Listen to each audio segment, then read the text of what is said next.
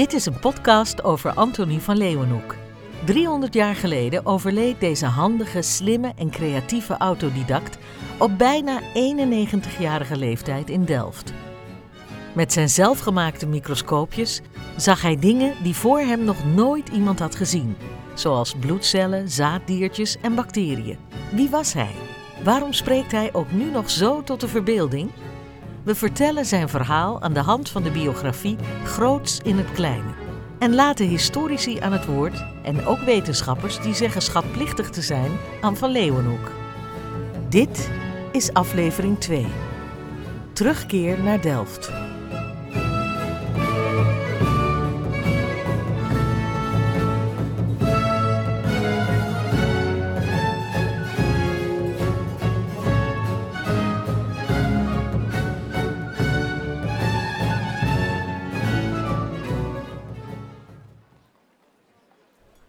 Op 12 oktober 1654 schrikt het eiland Texel op van een aantal doffe knallen.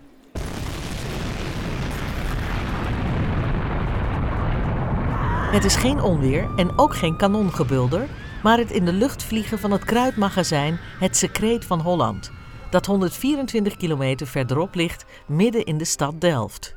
Deze Delftse donderslag is vermoedelijk veroorzaakt door de onzorgvuldigheid van de ambtenaar Cornelis Soetens, die even daarvoor bij het kruidmagazijn was aangetroffen. Als gevolg van deze explosie, waarbij 45 ton buskruid ontploft, ligt een groot deel van Delft volledig in puin. Er vallen honderden slachtoffers en de glas in loodramen van de oude en de nieuwe kerk, die de beeldenstorm van 1566 nog overleefd hadden, liggen in duizenden scherven op de grond. De Delftse donderslag is een ramp. Uh, een ontploffing van een kruidhuis, zoals die wel vaker gebeurde in de tijd van Antonie van Leeuwenhoek. Um, het was een tijd van veel oorlogen, waarin je steden moest kunnen beschermen. En waarom, um, daardoor werd er kruid in steden opgeslagen. En dat nou, ging wel eens mis en dan kreeg je verschrikkelijke explosies. Opnieuw van Leeuwenhoek heeft het meegemaakt, maar hij schrijft er niet over, want dit was voor de tijd dat hij uh, zijn wetenschappelijke brieven ging schrijven. Ja, wat is er gebeurd? Een gigantische klap. Een heleboel huizen kapot, een heleboel mensen dood. Er is een anekdote van een tijdgenoot die zegt dat de klap tot op Texel te horen was. Eén iemand die dat schrijft, kan dat? Ja, het is wel heel erg ver, Texel. Um, ik heb werkelijk geen idee of dat kan kloppen. Uh, waarom Texel genoemd werd, uh, kan ik wel een beetje begrijpen. Uh, de handel van Amsterdam ging via Texel, dus daar woonden mensen en het was een heel noordelijk punt om te benoemen. Dus ik kan me voorstellen dat dat is waarom mensen dan over Texel hebben. Of het echt mogelijk is, dat zouden we moeten uitrekenen en testen. Twee Delftenaren die deze verschrikkelijke dag hebben overleefd, zijn de 22-jarige Antonie van Leeuwenhoek en zijn kersverse 25-jarige bruid Barbara de Meij. Antonie is na zijn vruchtbare leerjaren in Amsterdam naar de stad Delft teruggekeerd. Hij is in juli met Barbara getrouwd en staat op het punt een eigen zaak te beginnen: een handel in stoffen en manufacturen. Barbara is de dochter van Elias de Meij, een saaidrapier, oftewel handelaar in de lichte wollen stof serge uit Norwich, Engeland. De wereld van de stoffenhandel is haar dus niet vreemd. Barbara's vader was mogelijk een van de uit de zuidelijke Nederlanden uitgeweken textielwerkers, de Strangers, die een grote gemeenschap vormden in Norwich. Een vlucht richting Engeland was in die tijd niet vreemd. Bekend is dat veel burgers uit de zuidelijke Nederlanden, waaronder veel lakenhandelaren, door de Spanjaarden verjaagd zijn.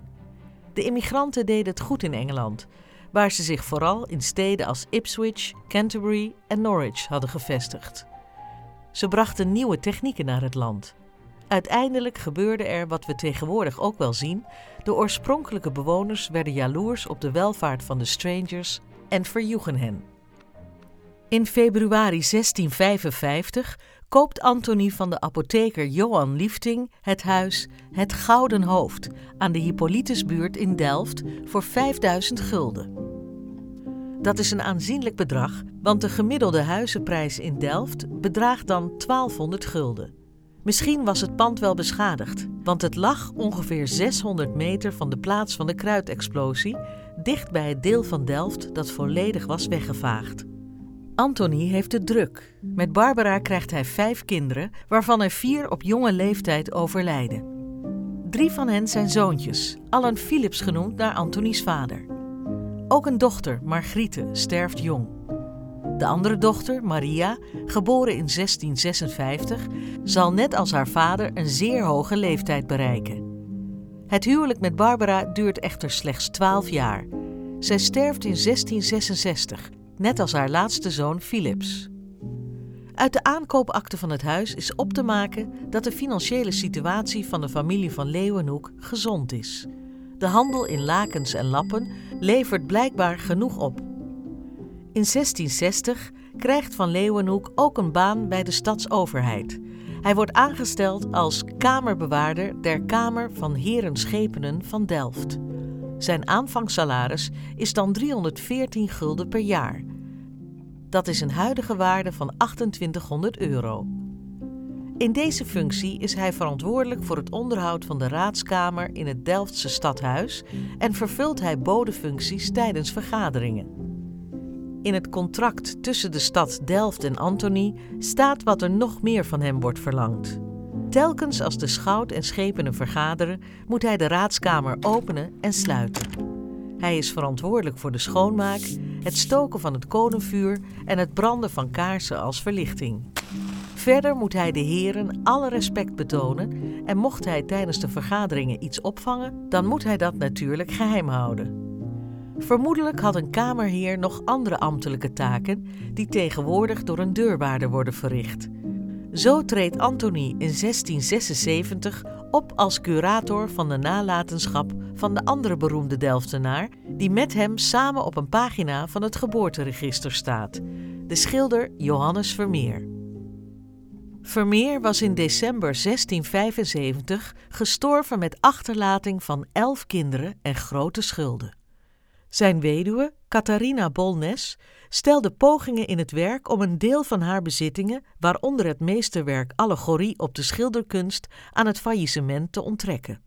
Zij wilde het schilderij overdragen aan haar moeder, Maria Tins. De rol van Van Leeuwenhoek als curator was de behartiging van de belangen van de schuldeisers. Hij slaagt er dan ook in om hier een stokje voor te steken. Het doek wordt samen met andere schilderijen uit het bezit van Vermeer geveild. De opbrengst wordt gebruikt voor de aflossing van de schulden van de schilder. Na het overlijden van zijn vrouw in 1666 zoekt Anthony afleiding in een aantal andere activiteiten. Zo brengt hij in 1668, net na de Tweede Engels-Nederlandse Oorlog, een bezoek aan Engeland. Hij nam vast de postboot van Hellevoetsluis naar Harwich, die twee keer per week vaart met post voor heel Holland en ook passagiers vervoert. Het is de kortste en snelste route naar Engeland en Londen. Later schreef hij hierover. Ongeveer zes jaar geleden, toen ik uit nieuwsgierigheid in Engeland was en ik de grote kalkrotsen en de kalkachtige landerijen zag in Gravesend en Rochester, brachten deze mij op gedachten en tegelijkertijd probeerde ik de kalkdelen te doorboren. Uiteindelijk nam ik waar dat kalk bestaat uit zeer kleine, doorzichtige deeltjes. Klootgens. Mij dunkt dat deze deeltjes, wanneer men ze op elkaar legt, de reden zijn waarom kalk wit is. Zonder twijfel gaat het hier over fossiele schelpen en zogenaamde foraminiferen. Dat zijn eencelligen met een kalkskelet. Hier werd een zaadje geplant voor zijn latere interesse in het kleine. Anthony begint ook met een praktische studie, landmeetkunde. Uit de terminologie die Van Leeuwenhoek gebruikt in zijn wetenschappelijke brieven valt af te leiden dat hij dit vak leerde aan de hand van Praktijk des Landmetens van Johan Sems en Jan Pieters Douw. Sinds 1600 bestond er op instigatie van prins Maurits en Simon Stevin in Leiden een Nederlandstalige technische opleiding, de Duitse mathematiek, voor reken- en landmeetkunde en vestingbouw. Het boek van Sems en Douw wordt gebruikt om landmeetkunde te doseren aan mensen die afkomstig zijn uit de praktijk en die normaal gesproken geen academische studie zouden volgen. In 1669 wordt hij daartoe ook beëdigd. Een vreemde carrièresprong voor een textielhandelaar en stadsbeambte. Het zou kunnen betekenen dat hij inmiddels ook gestopt was met de handel in textiele waren. In de jaren daarna verwerft hij nog een aantal andere functies bij de stad Delft. In 1677 wordt hij benoemd tot generaal wijkmeester en in 1679 tot wijnroeier, oftewel eikmeester voor wijn, olie en azijnvaten. Maar in die periode heeft hij zijn draai al gevonden als wetenschappelijk onderzoeker en begint zijn omgeving in de gaten te krijgen dat Van Leeuwenhoek toch wel een heel bijzondere man is. Op 25 januari 1671 hertrouwt Antony in Pijnakker met de predikantsdochter Cornelia Zwalmius. Hij is dan 39 jaar en zijn dochter Maria is 15. Met dit tweede huwelijk begint er een nieuwe periode in het leven van Van Leeuwenhoek.